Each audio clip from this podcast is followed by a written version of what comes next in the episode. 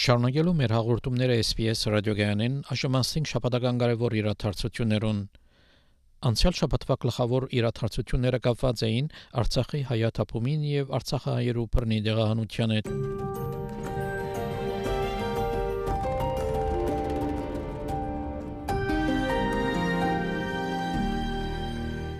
Իր զորակցությունը հայտնելու համար անցյալ շաբաթ Հայաստան այցելեց Ֆրանսիայի արտաքին գործերու նախարար Կաթրին Կոլոնան։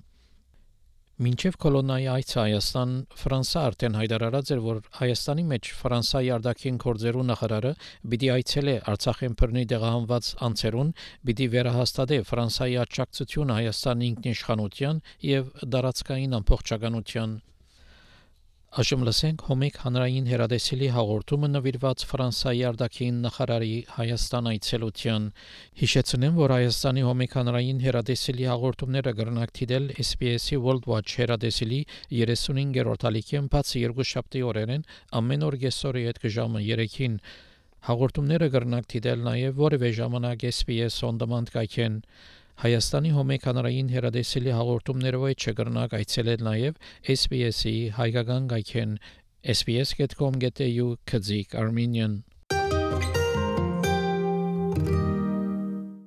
Երևան ժամանած Ֆրանսիայի արտգործնախարար Կատրին Կոլոննան պաշտոնական հանդիպումներից առաջ առողջապահության նախարար Անահիտ Ավանեսյանի ուղեկցությամբ հայցելել է Այրվածքաբանության ազգային կենտրոն, որտեղ բուժում են ստանում Լեռնային Ղարաբաղում պայթյունից տուժածները։ Շրջայցի ավարտին նախարար Կոլոնան հայտնել է, որ Ֆրանսիան վերանայել է Հայաստանին հումանիտար օգնությունը հասցնելով 12.5 միլիոն եվրոյի բարեկամություն, աջակցություն եւ համերաշխություն։ Ֆրանսիայի արտաքին գործերի նախարար Կատրին Կոլոննան Հայաստան իր այցը սկսեց հենց այս Արարատի լուսանկարով։ Հայաստանի առողջապահության նախարարի արտաքին քաղաքական գերատեսչության ներկայացուցիչների եւ Հայաստանում Ֆրանսիայի ու Ֆրանսիայում Հայաստանի դեսպանների ուղեկցությամբ կոլոննայի առաջին կանգառը այրվածքաբանության ազգային կենտրոնում էր։ Լեռնային Ղարաբաղում վառելիքի պահեստում տեղի ունեցած ողբերգական պատյունից տուժածների մեծ մասն այստեղ է բուժվում։ Միջին ծանրություն եւ ծանր Առողջապահության նախարար Անահիտ Ավանեսյանի ուղեկցությամբ Կատրին Կոլոննան տեսակցեց տուժածներին, բայց առանց տեսախցիկների ու լրագրողների։ Այնուհետև Ֆրանսիայի գլխավոր դիվանագետը փոխանցեց Ֆրանսիայի հումանիտար օգնությունը ի նշան աջակցության։ Իմ այցը արտահայտում է Ֆրանսիայի բարեկամությունը, բայց ոչ միայն բարեկամությունը, այլև աջակցությունը եւ համերաշխությունը, նաեւ դիվանագիտական համերաշխությունը։ Ֆրանսիան արագ արձագանքեց այն ողբերգությանը, որ մարդիկ ուժի սպառնալիքով ստիպված են եղել թողնել տները եւ դառնալ բռնի տեղահանված։ Կշարունակենք լինել ձեր կողքին։ Տեսնելով Լեռնային Ղարաբաղում իրավիճակի վատ հրացումը, լիակատար շրջափակումը, որ միջազգային իրավունքի խախտում է, արդեն որոշել էինք մեծացնել Հայաստանին աջակցությունը եւ հիմա արդեն այն հասցրել ենք 12.5 միլիոն եվրոյի բռնի տեղահանվածներին օգնության համար։ Անհրաժեշտության դեպքում Ֆրանսիայի արտգործնախարարի խոսքով կրկին օգնություն կտրամադրվի։ Ցանկանում եմ տեղեկացնել, որ առաջիկա օրերին այս շաբաթ Կիրակի Ֆրանսիան 4 ծանր վիրավորի կտարհանի Ֆրանսիա ֆրանսիական հիվանդանոցներում բուժում ստանալու համար։ Մենք ձեր կողքին ենք տիկին նախարար։ Դուք շատ բարեկամներ ունեք եւ ինձ համար պատիվ է թերևս, որ Ֆրանսիան գուցե ձեր ամենաջերմ բարեկամն է եւ ամեն դեպքում ամենահավատարիմը։ Հենց առաջին վարկյաններից ենք գործակցել մեր ֆրանսիացի գործընկերների հետ եւ թե հումանիտար, թե բժշկական առումով արագ արձագանք ստացել, նշեց առողջապահության նախարար Անահիտ Ավանեսյանը։ 10 ամիս լինելով շրջափակման մեջ մեր Լեռնային Ղարաբաղի հայրենակիցները սնունդի դեղորայքի պակասի մեջ, այնուհետև բռնի տեղահանման պատճառով, նաև նման իրադարձությունների պատճառով շատ ծանր իրավիճակում են գտնվում եւ այս սոլիդար սոլիդարության քայլը մեզ համար շատ կարևոր է։ Կատրին Կոլոննայի հաջորդ կանգառը Հայաստանի արտաքին քաղաքական գերատեսչությունում էր։ Տաթև Խաչատրյան, Սեյրան Անտոնյան, լուրեր։ Կատրին Կոլոնան հանդիպում է ունեցել նաև վարչապետ Նիկոլ Փաշինյանի, Հայաստանի արտգործնախարար Շարարատ Միրզոյանի հետ։ Հայաստանի եւ Ֆրանսիայի արտգործնախարարները հանդես են եկել մամուլի համար հայտարարություններով։ Անցյալ շաբաթվա այլ կարևոր լուրերը մեկն էր Եվրոպական խորհրդարանի արած որոշում Արցախյան իրադարձություններու վերաբերյալ Արդարև Եվրոպական խորհրդարանը հոկտեմբեր 5-ին փանացև ընդունեց դադարելով Արցախի դեմ Ադրբեջանի սանցազերծած ռազմական հարձակումը եւ Եվրամիության ղեկավարության գոչուեց բաժամիջոցներ սահմանելու Ադրբեջանի պաշտոնադար անձերու դեմ։ Եվրոպական խորհրդարանի փանացեվի մեջ գոչ գողվի Եվրամիության եւ անոր անդամ պետություներուն թիրախային բաժամիջոցներ գերարել Ադրբեջանի գավառության այն անհատներու նկատմամբ, որոնք պատասխանատու են Լեռնային Ղարաբաղի մեջ հրաթաթարի թրության եւ մարդու իրավունքներու բազմաթիվ խախտումներու համար։ Գոչուեց նաեւ հետաքննելու ադրբեջանական ուժերու կողմից կատարված չարաշահումները, որոնք կարող են բادرազմական հանցակործություններ նկատվել Եվրոպական խորհրդարանը հիշեցուց Ադրբեջանին, որ անլիակադար պատասխանատվություն կգրե Լեռնային Ղարաբաղի մեջ բոլոր մարդոց ապահովության եւ բարեկեցության համար եւ պետք է պատասխանատվության ենթարկվի։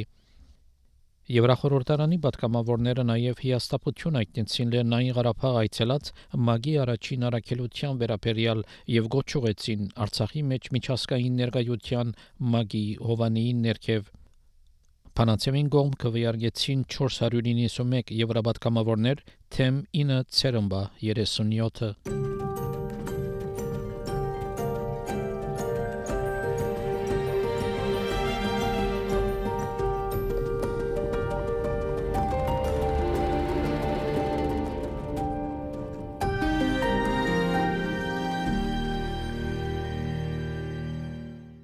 Ավելի մանրամասնելով Եվրախորհրդարանի պատգամավորներու հայտնած հիաստապությունը Լեռնային Ղարաբաղ այցելած ՄԱԳ-ի առաջին առաքելության վերաբերյալ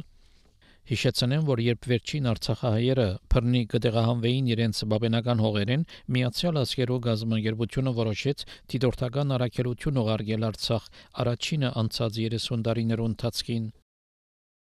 Գարջադեվ այցելութենեն իդ անոնք հայտարարություն կատարեցին, որ լուրջ քննադատություններու պատճառ դարձավ թե հայկական կառավարության կամ քաղաքական այրերու, թե օդար քաղաքական կորցիչներու եւ եվրոպական խորհրդարանին կողմէ ավելի ուշ հայտնի դարձավ, որ մագի թիդորտները եկած էին Ադրբեջանեն եւ թիդորտները Թուրքիային, Ռուսաստանեն, Հունգարիային, Պակիստանեն եւ Ալբանիային էին Ադրբեջանական ուժեր ուզած տեղերին բդցուցին այդ ներկայացուցիչները, որոնք հետո միագողմանի դարօրինակ հայտարարություն կդարեցին իրենց հայցերության վերաբերյալ Արիբադասխան Հայաստանի արտաքին գործերու նախարարությունը հայտարարություն կդարեց այս արծով արտահայտելով իր խոր մտահոգությունը եւ հիաստապությունը Ադրբեջանի մեջ մագի մշտական համագարկողի գլխավորած պատվերագության Արցախ այցի եւ մամուլի հաղորդակցության վերաբերյալ Հայտարարության մեջ կսվի, որ Ադրբեջանի մեջ ՄԱԳ-ի մշտական համագարկողի պատվիրակության հոկտեմբեր 2-ի այցը չի կրնար համարվել միջքորձակալական փաստահավաք առաքելություն եւ որևէ առնչություն չունի հայկական կողմի եւ միջազգային հանրության ակնկալիքներուն հետ։ Ավելին, պատվիրակության այցը դեղի ունեցավ միայն այն ժամանակ, երբ էթնիկ զդման հետևանքով Լենային Ղարաբաղը լիովին զրկված էր իր փնիկ հայ փնակչութենեն։ Իսկ Հայաստանի Հանրապետության հadoop հանձնարարություններով տեսփան Էդմոն Մարուկյան եւս իր զարմանքը եւ հիաստապությունը այտնեց Մագի Տիդորտներով այցելության եւ հայտարարության վերաբերյալ. Այժմ լսենք Հայաստանի հոմեկ հանրային հերադեսելի հաղորդում այս հարցով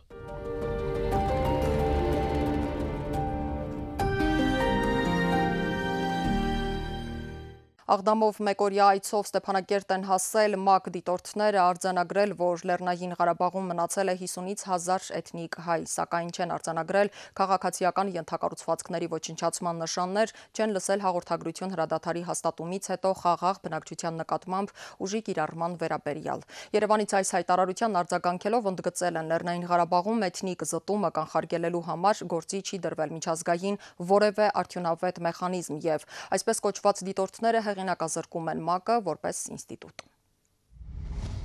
Առաքելությունը չի արձանագրել գյուղատնտեսական ենթակառուցվածքի որևէ ոչնչացում կամ ճանապարհներին սպանված կենթանիների։ Այս մեջբերումը վերջին 30 տարվա ընթացքում առաջին անգամ Լեռնային Ղարաբաղ այցելած ՄԱԿ ներկայացուցիչների զեկույցից է։ Ադրբեջանի կողմից էթնիկ զտման ենթարկված հայաթափված Լեռնային Ղարաբաղում հոկտեմբերի 2-ին շրջելուց հետո պատվիրակության անդամները նշել են, խոսակցություններից են լսել, որ տեղում միայն 50-ից 1000 մարդ է մնացել, ապա զարմացել, թե ինչու են հայերը լքել իրենց տները։ Հատուկ հանձնարարություններով դեսպան Էդմոն Մարուկյանն արձանագրում է, առաքելության կազմում եղել են միայն Թուրքիայի, Ռուսաստանի, Պակիստանի, Հունգարիայի եւ Ալբանիայի ներկայացուցիչներ, որոնք չէին կարող օբյեկտիվ գնահատել Բաքվի գործողությունները։ Պետք է պահանջել անաչար քննություն տեղի ունեցածի վերաբերյալ, նաև իրավիճակի գնահատականների վերաբերյալ, որտեվ ինչ է ուզում անի Ադրբեջանը, շատ ակնհայտ է, նրանք փորձում են ներկայացնել, որ մարդիկ իրենց կամքով լքել են իրենց հայրական, պապենական տները, պատմական հողերը Մոտ 1 էջանոց զեկույցում հիշատակում չկա նաև սեպտեմբերի 19-ին Ադրբեջանի սանձազերծած ռազմական գործողությունների, ինչպես նաև դրան նախորդած 9-ամսյա շրջափակման մասին։ Մի քանի հոկանոց մոնիտորինգային խումբը, որը որ ուղեկցվում էր եւ ուղղություն էր տրվում ադրբեջանական տեղի գրասենյակի կողմից, չէր կարող այդ ամեն ինչը ֆիքսել։ Որ Ադրբեջանը ագրեսիա է ենթարկել, որի դատապարտել են միջազգային հանրությունը, բազմաթիվ դերակատարներ, նույնիսկ առաջի դեմքեր ասել են, որ Ալիևը մեզ խაფել է ասելով, որ չի հարցակվի Արցախի վրա, բայց հարցակվել է։ ՄԱԿ ներկայացուցիչներն ադրբեջանցիների ուղեկցությամբ եղել են նաև Լաչինի ճանապարհին։ Այնտեղով Հայաստան գալու ճանապարհը բռնի տեղահանված արցախցիները երկու օրում էին անցնում։ Մինչդեռ զեկույցում պատվիրակության անդամները նշել են, իրենց այնտեղ գտնվելու ժամանակ հայկական որևէ մեքենա դեպի Հայաստան չի շարժվել։ Լեռնային Ղարաբաղում եղած ներկայացուցիչների զեկույցին անդրադարձել է Հայաստանի արտգործնախարարության մամուլի խոսնակը։ Հետաքրքիր է, թե ինչ կնշանակեր ՄԱԿ-ի բռնության դեմ միջազգային օրը երեխաների եւ կանանց համար, որոնք բռնի տեղահանվել են Լեռնային Ղարաբաղից բռնությունից փախչելով ընդամենը մի քանի օր առաջ։ Շատ կանխատեսելի է, ճիշտ հակառակը։ Պատերազմ, ապրելան մարդկային շրջափակման մեջ ոչ մի արդյունավետ միջազգային կանխարգելում կորսված կյանքեր։ Քաղաքագետ Հովսեփ Խորշուդյանը հրապարակված փաստաթուղթը խիստ կողմնակալ է որակում։ Ընդգծում ՄԱԿ-ը նույնիսկ Ստեփանակերտի ադրբեջանցիների անվանումն է օգտագործել տեղական ինքնակառավարման խարտիան ասում է, որ առանց տեղի բնակության որոշման չի կարող անվանումը փոխվի քաղաքի։ Հա, ինչքան ուզում է Ադրբեջանը փոխի անվանումները։ Եթե Ստեփանակերտի բնակչությունը անվանել այն Ստեփանակերտ, ուրեմն Ստեփանակերտ պետք է հնչի բոլոր տեղերում։ Միավորված ազգերի կազմակերպությունն ու այլ միջազգային հարթակներ ցախողել են Լեռնային Ղարաբաղում էթնիկ զտումը կանխելու իրենց դերակատարումը, ընդգծում է Էդմոն Մարուկյանը։ Հատուկ հանձնարարություններով դեսպանը Լեռնային Ղարաբաղ անաչառ եւ օբյեկտիվ միջազգային առաքելություն գործուղելու անհրաժեշտություն է տեսնում։ ՄԱԿ-ի անվտանգության խորհրդի նիստում նախարարի ելույթով այդ հարցին անդրադարձել է, այդ պահանջը դրվել է, սակայն դուք գիտեք, որ ՄԱԿ-ի անվտանգության խորհրդի մշտական անդամների շրջանում չկար կոնսենսուս եւ բանաձև չի եղել որտեղ Ադրբեջանի կամքին հակառակ այդ տարածք կարող են մտնել միայն ՄԱԿ-ի անվտանգության խորհրդի բանաձևի հիման վրա։ Պաշտոնյան ու փորձագետները շեշտում են, պետք է հնարավոր բոլոր միջոցներով դատապարտել զեկույցը ու թույլ չտալ, որ այն մեր դեմ օգտագործվի որևէ հարթակում։ Նորայր Շողիկյան, Հովանես Քյոսեյան, լուրեր։ Անցյալ շաբաթվա գլխավոր իրադարձությունները մեկն էր նաև ասկային ժողովի վավերացումը Հռոմի կանոնադրության, որով ջամփան հարտեց Հայաստանի Հանրապետության անդամակցության միջազգային քրեական անդադարանին։ Դահեի մեջ իր եթրոնադերն ունեցող թատարանը կհետազոտե եւ երբ հարգավոր է գտադե մարդիկ, որոնց դեմ ցաներ մեղադրանքները ներկայացված են ներառյալ ցեղասպանության, բادرազմական հանցագործություններու եւ մարդկության դեմ հանցանքներու Ռուսաստան թշկող է Հայաստանի որոշումին, որովհետև Թադարանը Ռուսաստանի նախագահի ցերպակալության որոշում ընդունած է։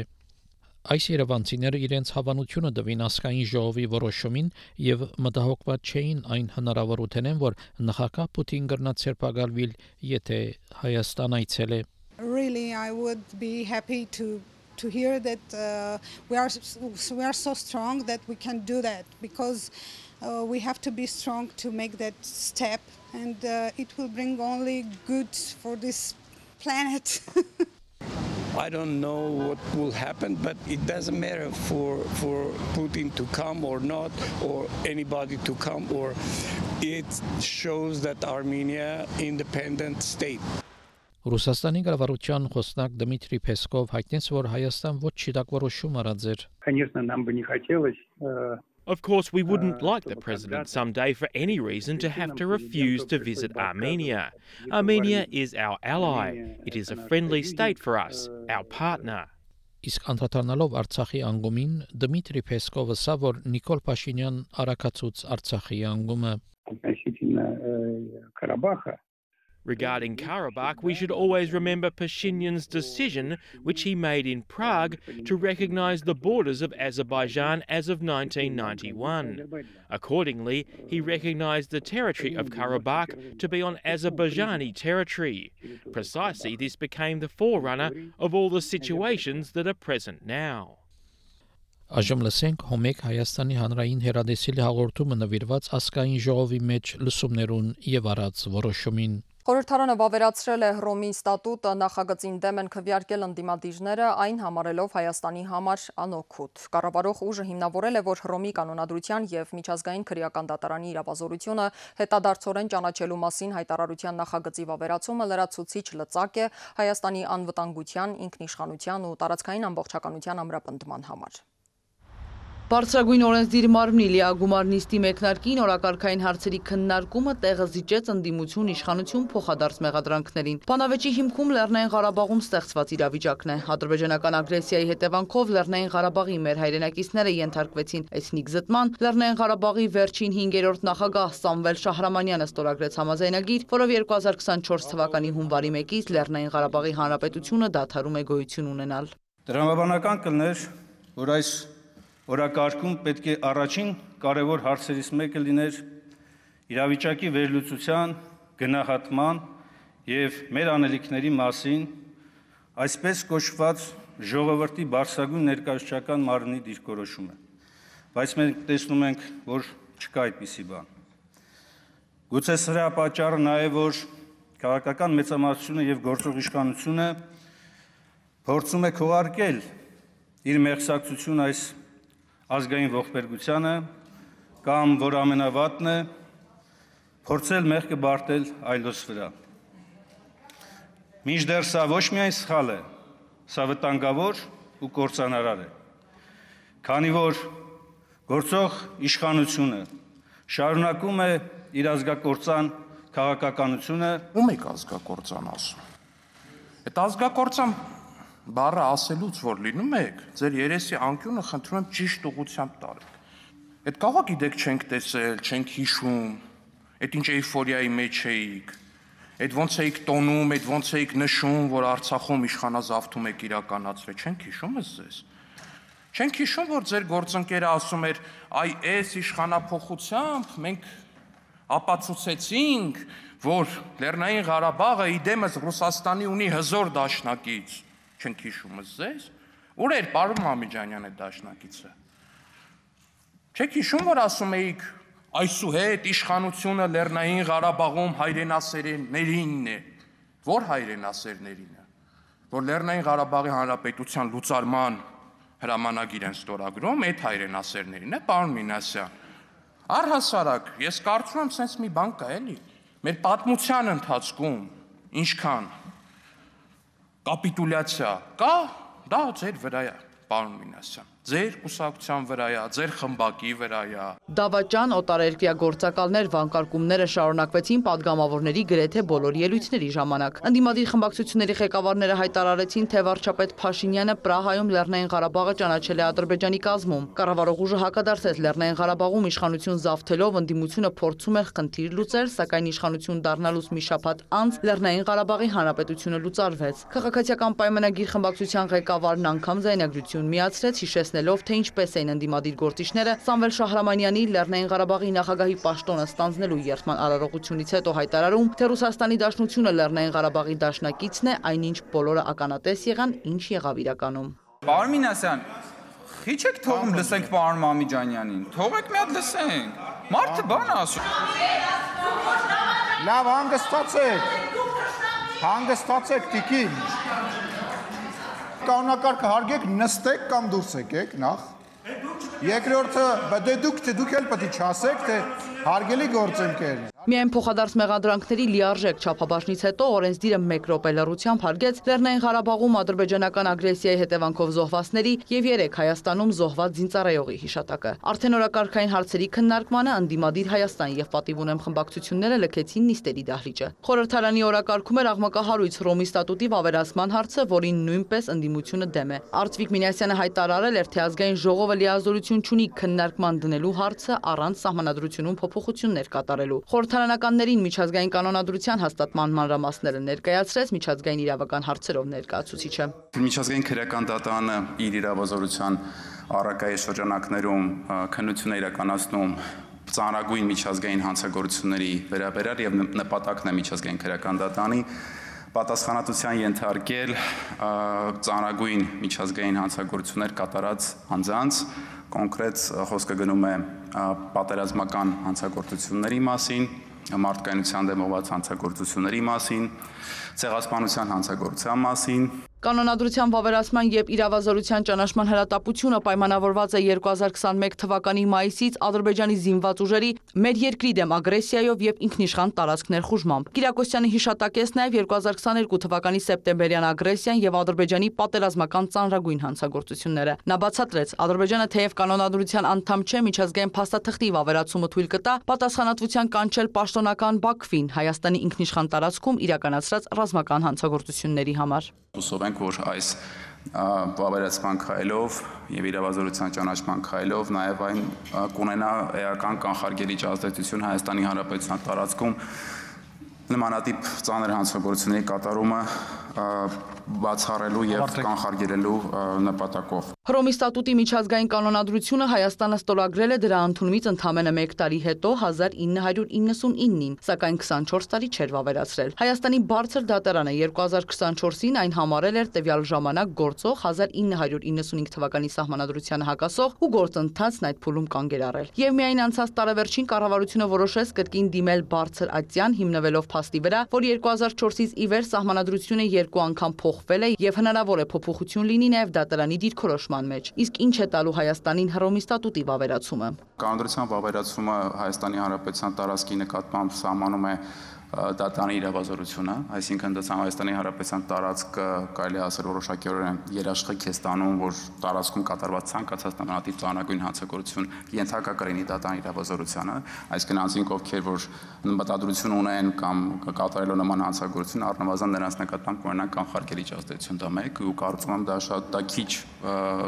պակաս արգումենտ չէ, որպեսի վավերացման հարցը քննարկենք եւ հատկապես հաշվի առնելով այն հանգամանքը, որ Հայաստանի սուվերեն տարածքում այսօր դեռ գտնվում են ադրբեջանական զինված ստորաբաժանումներ, վավերացումը վերստին հիմնավորվում է։ Միջազգային բարձր դատականատյանների որոշումները, թեև որոշ դեպքերում պետությունները չեն կատարում, միևնույնն է բազմաշերտ ազդեցություն ունեն եւ դրանք պետք է դիտարկել երկարաժամկետ կտրվածքով, քանի որ ճշմարտությունն արձանագրում են պրոֆեսիոնալ ու փաստագրված հիմքերով։ Միջազգային քրեական դատարանի կանոնադրության վավերացման հարցը արդեն 20 տարի է Հայաստանի արտաքին քաղաքական օրակարգում է։ Եվ այս փաստաթղթի բովանդակությունը բնույթը արմատներն այնպիսին են, որ կարծես Հայաստանը պետք է դառնար այս փաստաթուղթը վավերացնող առաջին երկիրը, քանի որ փաստաթուղթը իր արմատներով հասնում է 1915 թվականի մայիսի 24, երբ Անտանտի պետություններն առաջին անգամ օգտագործեցին մարդկության դեմ ուղված հանցագործություն եզրույթը հայոց ցեղասպանությունը բնութագրելու համար, ասաց Հարակի ձեկուցող Վլադիմիր Վարդանյանը։ Վստահեցրեց ադրբեջանական ագրեսիայի հետևանքով Լեռնային Ղարաբաղի մեր հայրենակիցների բռնի տեղահանումը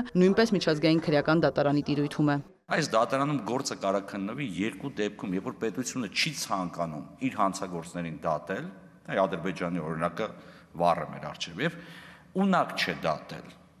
օրինակային դեպքերում, երբ որ պարզապես հանցագործը քո տարածքում չի եւ դու չես կարող համապատասխան միջոցներ ձեռնարկել։ Մնացած բոլոր դեպքերում պետության իրավազորությունը իրականացնել քրեական արտարադատություն պահպանվում է։ Հարգելի գործընկերներ, չեմ կարա չանդրադառնամ նաեւ այն հարցին, թե ինչի է սա արվում հիմա, որովհետև շատ քննարկումներ կա եւ շատ մանիպուլատիվ դատողություններ կան, այն հանգամանքը, որ Հայաստանի Հանրապետության տարածքում են գտնվում էթնիկ զտման արդյունքում, այսինքն մարգարենության դեմ ուղղված հանցագործության արդյունքում տեղահանված, բռնի տեղահանված անձերի մի ստվար խումբ հիմք է տալիս պնդել, որ Հայաստանի Հանրապետությունը կարա պնդի միջազգային քրեական դատարանում, որ վերջինս ունի իրավազորություն այս արարքի նկատմամբ, որտեղ մենք գործ ունենք, կներեք էլի մենք մի քիչ արդեն գուցե սովորել ենք, բայց էթնիկ զտումը Մարգարենության դեմ ուղղված հանցագործությունը լրջագույն հանցագործությունից մեկն է։ Քվեարկությանն ընդդիմությունը մասնակցեց։ Հռոմի ստատուտը վավերացվեց 60 կողմ 22 դեմ ձայների հարաբերակցությամբ։ Հայաստանը փաստաթուղթը վավերացրած 124-րդ երկիրն է եւ երկրորդը տարածաշրջանում Վրաստանից հետո։ ԵԱՏՄ-ում նույնպես երկրորդն ենք Տաջիկստանից հետո։ Մեր երկրում փաստաթուղթը ուժի մեջ կմտնի 60 օրից։ Այն հետադարձ ուժ ունի։ Վերաբերելի է նաեւ 2021 թվականի մայիսի 12-ին Հայաստանի ինքնիշխան տարածքի նկատմամբ ադրբեջանական ագրեսիային։ Անի Օհանյան, Աշոտ Խաչատրյան, լուրեր։ Սպանական Գրանադա քաղաքի մեջ դեղի ունեցած Կարագոմ հանդիպումին յետ Նիկոլ Փաշինյան, Եվրոպական խորհրդի նախագահ Շարլ Միշել, Ֆրանսիայի նախագահ Էմանուել Մակրոն եւ Գերմանիո Տիվանաբեդ Օլաֆ Շոլց Համադեղ հայտարարություն դարաձեցին, ուր հատկապես նշված է, որ Եվրոպական խորհրդի նախագահ Շարլ Միշել, Ֆրանսիայի նախագահ Էմանուել Մակրոն եւ Գերմանիո Տիվանաբեդ Օլաֆ Շոլց իրենց անցասան աջակցությունը գայտնեն Հայաստանի անկախության, ինքնիշխանության, դարածքային ամբողջականության եւ սահմաններու անցերով մխելիության հանդիպումին պիտի մասնակցեն նաեւ Ադրբեջանի նախագահը, որ հրաժարեցավ մասնակցել է Այժմ լսենք Հայաստանի հանրային Հոմեկ հերադեսիլի հաղորդումը այս հարցով հիշեցնեմ, որ Հայաստանի Հոմեկ հանրային հերադեսիլի հաղորդումները կրնակ դիտել SBS-ի World Watch հերադեսիլի 35-րդ հալիքեն բացի երկու շաբթի օրերեն ամեն օր գեսորի հետ ժամը 3-ին